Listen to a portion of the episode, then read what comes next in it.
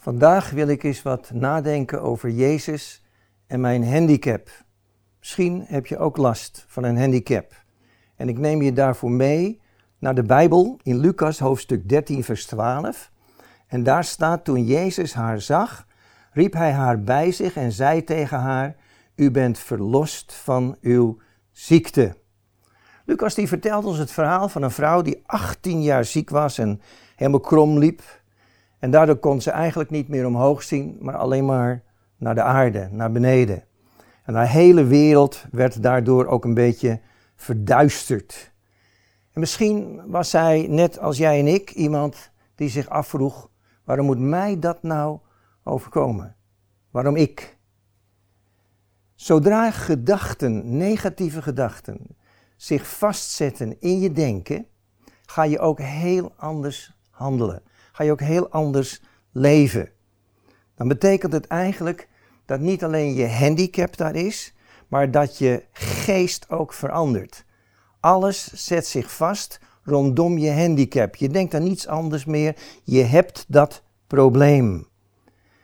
Menselijke verkromdheid is dus niet alleen een zaak van misschien een been wat niet zo goed werkt, andere organen die misschien niet meer zo functioneren.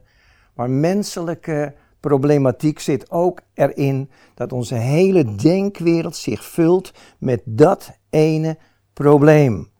En dan pas heb je een echt probleem. Want nou draait alles alleen nog maar om jouw handicap. En hoe kom je daar dan uit? En daarom doet Jezus iets heel bijzonders. In plaats van eerst die kromme rug te genezen, draagt hij als het ware de macht van arm, armzaligheid op.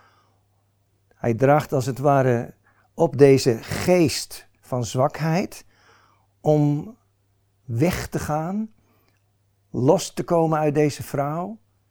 En pas als die geest van zwakheid is verdwenen, dan raakt hij haar aan en wordt zij genezen. Soms moet je eerst in je denken veranderen. Soms moet er eerst iets gebeuren met alles wat in jouw denkwereld je hele leven heeft overhoop gehaald. En als dat verandert, dan zul je ook merken dat ook de zwakheid, de ziekte zelf, zal kunnen verdwijnen.